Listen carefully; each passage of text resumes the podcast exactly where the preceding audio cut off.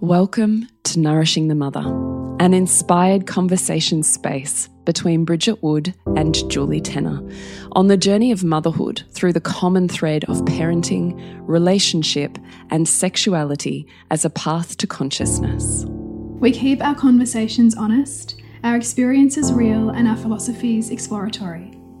We believe that in order to raise incredible humans, we first have to raise ourselves. We know that in order to rock the family, you've got to nourish the mother. If you are here, you care about paving a path of conscious and intentional motherhood connected with yourself and your gifts, and also illuminating your children in theirs so we may raise more whole humans who can impact this world in a more humane way. If you desire to integrate your learnings practically and supportively, head on over to bridgetwood.life or julietenner.love to go deeper. And for all live streamed, pre release podcasts and all our free content, head over to our free Facebook group, Nourishing the Mother with Bridget Wood and Julie Tenner. We are Julie Tenner and Bridget Wood, and we are so grateful you're here. Hello, and welcome to Nourishing the Mother. I'm Bridget Wood. And I'm Julie Tenner. And today's podcast is actually going to be split over two episodes. So this is part one, and next week will be part two. And let me tell you why. Because our resentment podcast went a little crazy and had some big ripples out in your world. So, the world of mothers just like you and me and Bridgie. And there was a flurry of response. And one of those responses was a beautiful email and I'm going to read you briefly that, and then uh, that will make sense on why we have chosen to answer this listener's question over two separate podcasts that are extremely, like, just to the point. Tips that are going to make it easy and simple without you getting lost in all of the language and the philosophy and the tangents that Bridgie and I can go on. So, these are two weeks of tips that are quick, easy, strategic, ready for you to implement straight away. So let me read you just pieces of this beautiful listener's email. Let me remind you, we love your communication, your emails. Please keep them coming and talking to us about what you would like in the podcast. This listener says, I have a five and a three year old, and I realize I am maybe not empowering them as much as I could be. Partly because in the moment it's just easier to do shit myself or let them sleep in my bed, and partly because of my perfect mother story of needing to be everything to everyone all of the time and literally Bridgie who can't relate to every oh single. Oh my god, yes. Right. Singing to I'm, right. I'm wondering if you could share or unpack some ways you empower your kids and some age appropriate suggestions for different ages of things to start upskilling them in. I get a lot of pushback when I do ask them, e.g., put your toys away, put rubbish in the bin, sit down at the table when we eat, and they just refuse or say, no, mummy help, or mummy do it, etc., and just flat out refuse. I find in these moments I revert to fear based parenting. If you don't do XYZ, there will be no dessert. Or if you don't put it away, I'll put it in the bin. I hear these words fly out of my mouth as I'm saying them, but it's not how I want the story to go. It's obviously how I was parented, although I don't actually remember what my mum did, but it's so automatic. So she's already stringing together mm. based on the conversations we have in our podcast. Yeah, the fact that you're on autopilot and that you this flies out is a trauma response. Mm, mm. So I'd love some tips and also just love listening to how you guys do things to spark my own ideas and get me out of the stuck ways of parenting to broaden my perspective on different ways of doing things. So, how magnificent is that email? Because I was like, yep, I know it, I know it, I know it. Yeah, so, so good. good. And just, you know, age old questions that we all we all find ourselves examining at different stages of our kids and different stages of our value shifting as a family. So like, it's absolutely great to be like diving into these, and I'm super pumped. So, today, what we are doing is five tips to enhance your kids' contribution in the home. Mm-hmm. Step one, I am handballing straight to you, Bridgie, because you are a master at it, and that is play. Oh, yeah, because why try to force shit up a hill when your child's language is play? Mm-hmm. And I particularly say that this is true for the younger child. So, most of what I do with my toddler is play based in terms of moving her where I want her to go. So what that looks like is, you know, for, for instance, it's getting dressed because we got to look at for toddlers particularly, it's the transition stuff that can be hard. It's the, you know, they're kind of stamping their foot, they're stuck where they are. They need help to move to the next step, or they need help to be able to contribute. So helping them meet what we want from them in a language that they are highly literate in and are seeking is the way. So what that can look like is, you know, if you want them to help you put the put the clothes in the hamper right? Then we might fly from their bedroom to the hamper. Like i might pick her up and we'll fly there. Or if she if she doesn't want to do the thing that i'm asking her to help with then i might say to her let's do three piggyback rides around the house and then i would love you to do that thing and then i've met her and so she can meet me better mm. so i love play for helping meet the connection need that children so often require from us, particularly when it comes up like our requests sometimes to them when we're exhausted or over it can feel disconnecting when it's coming from an energy of like, I need you to. Mm. Whereas play helps say, I'll meet you to do this thing together. Mm. And then they start to take that on board. They start to you know, inner, when we've given them that outer resourcing to do the thing that we want them to do, they then build that as an inner resource that as they grow, they know to do. Mm. Step two would be get clear on your family values. Mm. This is a conversation that we had way back when our first two were tiny. Oh, I didn't even know, like two and three. And I did up a poster that they decorated. And we literally, from those ages, were having conversations around what our family value system is mm -hmm. and how we contribute to those values and why those values are important, how they overflow into benefits for them, for us, for all of us, and what feels really good in our family home. So I would say get really clear on what your family values are. Mm. And for us, one of the main values is respect, that we respect the things that we have in our house because mm. that we know that that thing is worth our hours and our life and our time and you know all of these things they are everything that's in our house has a purpose and sometimes that purpose is beauty because it feels good and sometimes that purpose is something else but we are honoring and devotional and caretaking of these things that give back to us in our life so we have respect for things Mm -hmm. We don't jump on tables. We don't jump on couches. I know that that's not everybody's viewpoint. That's cool. It doesn't have to be. But for my nervous system, and I, you know, I mean, I come from a background of poverty. So having beautiful things was never a possibility in my childhood. So mm. when I, and I consciously buy things, so I don't just, you know, buy a whole heap of shit from the cheap stores. Whatever is in my home has a very specific purpose whether it's a, a long-term memory or it's an experience. So everything is has an emotional content in my home. It's mm-hmm. energy.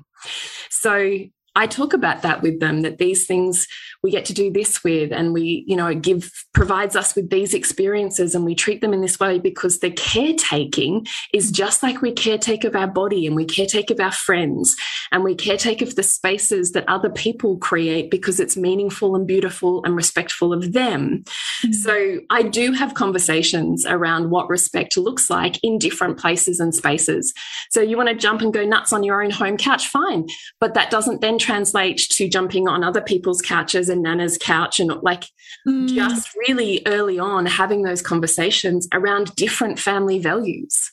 Yeah. Yeah, that's fine.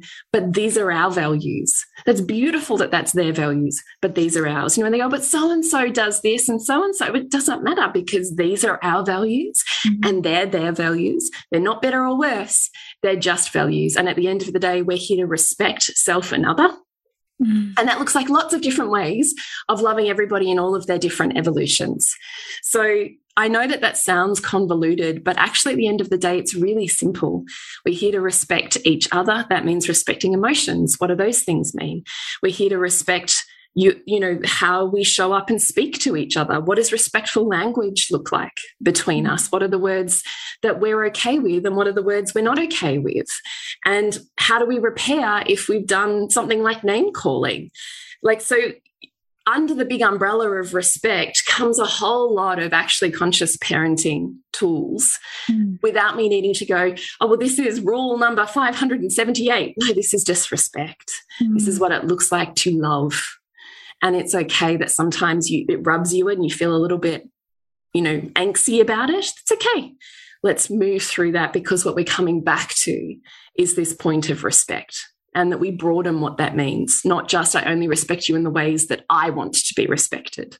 Mm -hmm. Respect looks like lots of different things, and that's a conversation of consent that builds and stacks across all of life. This podcast is brought to you by Honey Club and Reimagining Motherhood.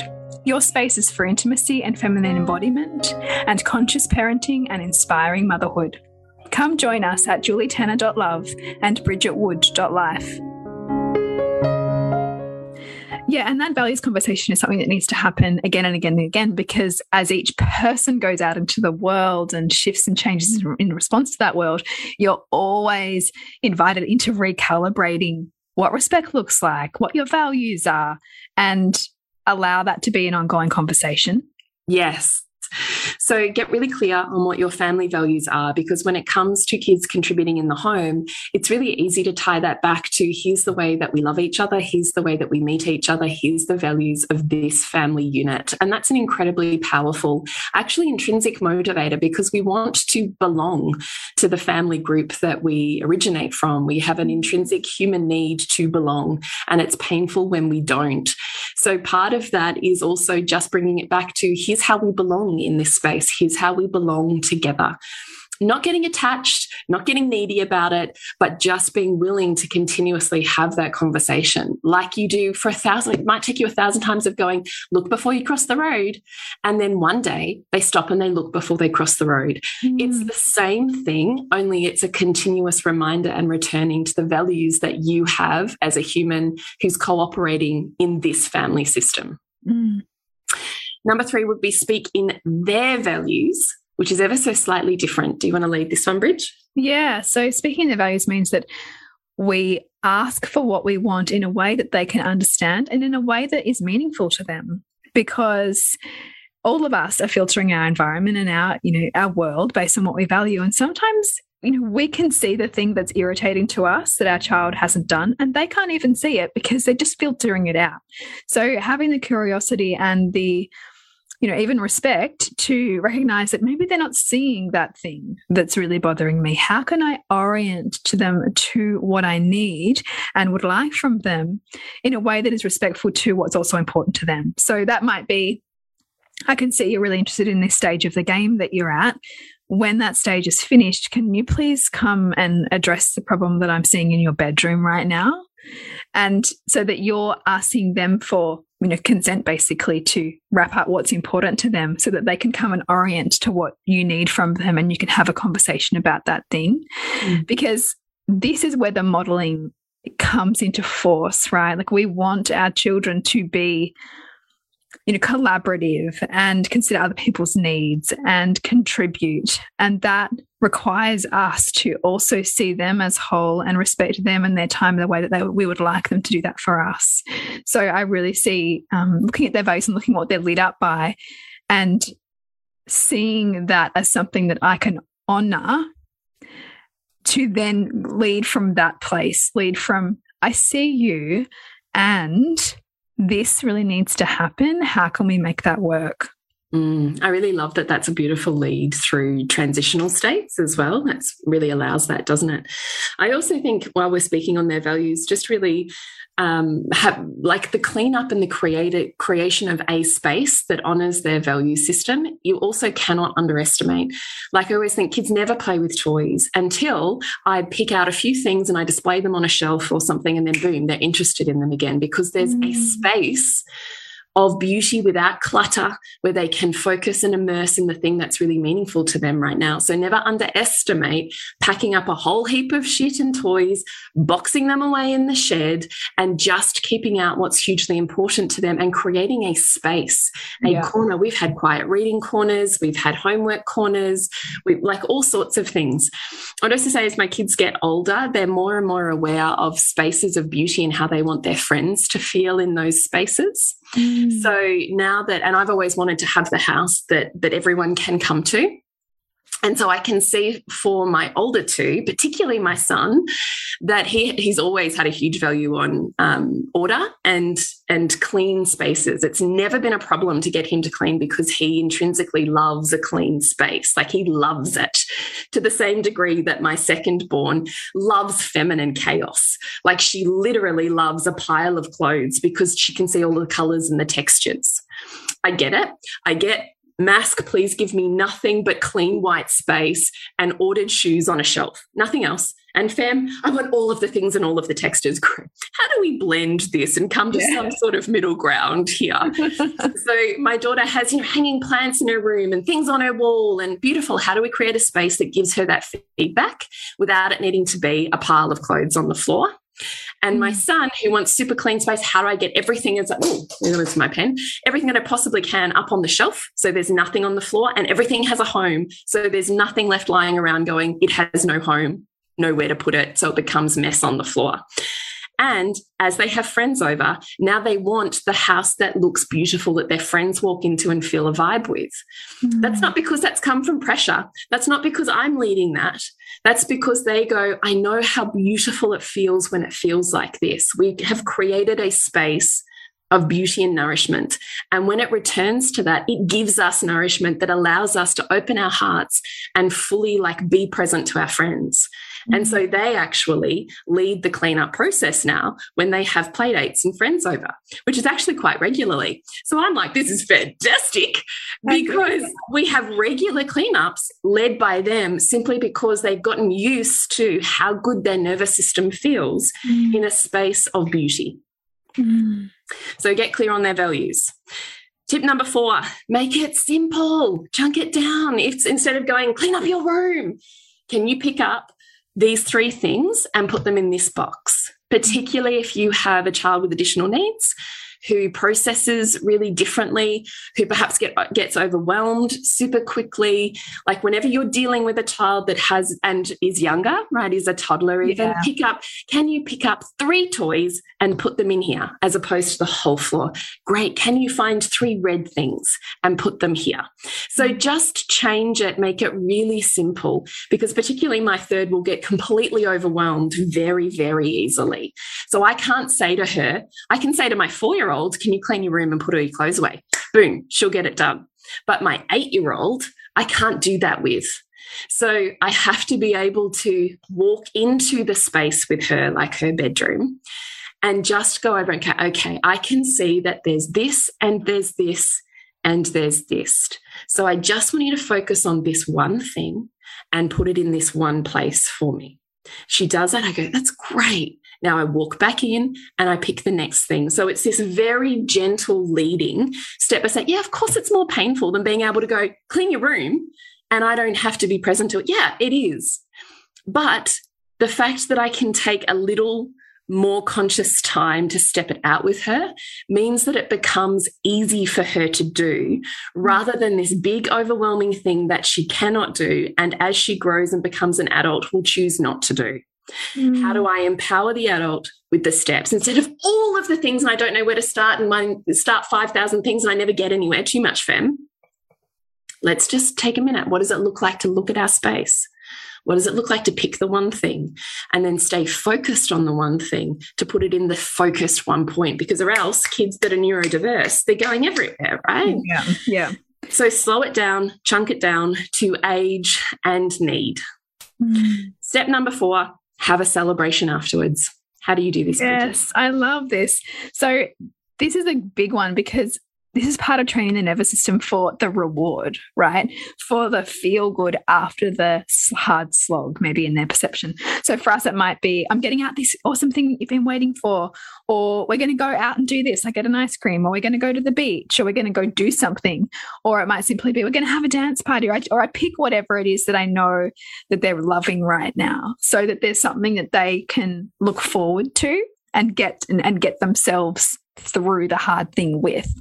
And again, in doing that, we get to celebrate how it feels to be in the space after that, after we've done that hard work, you know, and we get to enjoy the feeling, a little bit like what you've said with your older two about being in the energy of that cleaner space.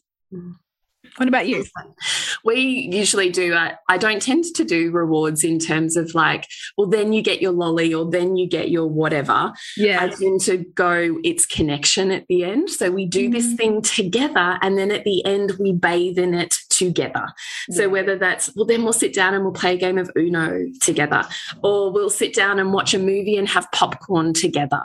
You know, so some sort of connecting experience. So, particularly because I know whenever we do a family cleanup, my third, despite the fact that I slow it down and walk her through it, she still will hate it. Like, I don't walk into this going, this is always going to be hard for her because it's hard physically and emotionally. She doesn't have the bandwidth.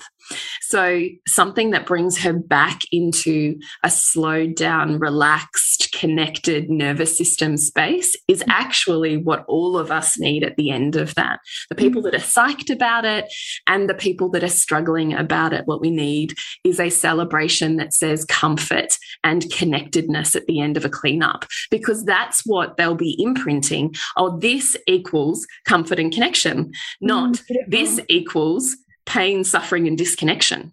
Yeah, yeah. We are we are blueprinting continuously our human brain. Mm. so what are we connecting it with? And I, I constantly just love that reminder because that's the whole thing. Like, yes, we might have all these ideas, and yes, we might have all these triggers of our own, but ultimately, in every action and inaction, we are creating imprints. So, are the ones we're creating functional or dysfunctional? Right. Exactly. Exactly. So, we really hope that in this very quick, simple, easy step by step layout process, that you have some super tangible and easy tips to begin or to try and implement. And we would love to hear how you go, or if you need more, or if it gets a little stuck, how we can meet you in those places. So, please reach out in all of the places and spaces, Nourishing the Mother on Facebook and Instagram. And Bridgie Wood, what have we got going on with you? Yes, reimagining motherhood. We are doing all things rage, repair, and resourcing yourself in motherhood.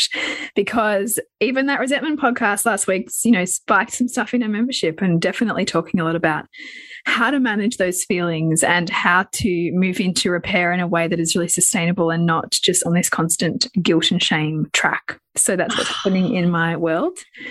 What about you, Jules? In my world, I'm running Lovers School at the moment, so there's nothing to jump into, but what you can grab is your free guidebook on Set Sexy Up because we know how you set a mother up during her day is how she's set up to be intimate at night. So you might as well set yourself up to succeed and prioritize relationships. So Set Sexy Up is a completely free downloadable guide just from my heart to yours to say, you can do this, girlfriend. It doesn't have to be mm. either or, it gets to be and. You just have to be a little savvy about the steps you're putting in place to do that. So you can grab that at julietenner.love forward slash set it up. Remember to nourish the woman to rock the family. And we'll see you next week when we continue to peel back the layers on your mothering journey. Thank you so much for listening. We literally couldn't do this without you. Please share this podcast with anyone you think it would be medicine for. If you desire to integrate your learnings practically and supportively into your life, then head on over to bridgetwood.life or julietenner.love to go deeper.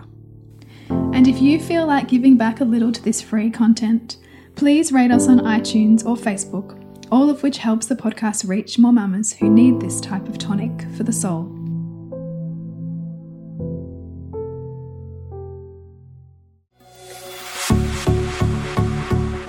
This has been a production of TheWellnessCouch.com. Check us out on Facebook and join in the conversation on Facebook.com forward slash The Wellness Couch. Subscribe to each show on iTunes and check us out on Twitter. The Wellness Couch, streaming wellness into your lives. Whilst the Wellness Couch presenter endeavor to provide accurate and helpful information to their listeners, these podcasts cannot take into account individual circumstances and are not intended to be a substitute for health and medical advice from a qualified health professional. You should always seek the advice of a qualified health professional before acting on any of the information provided by any of the Wellness Couch podcasts.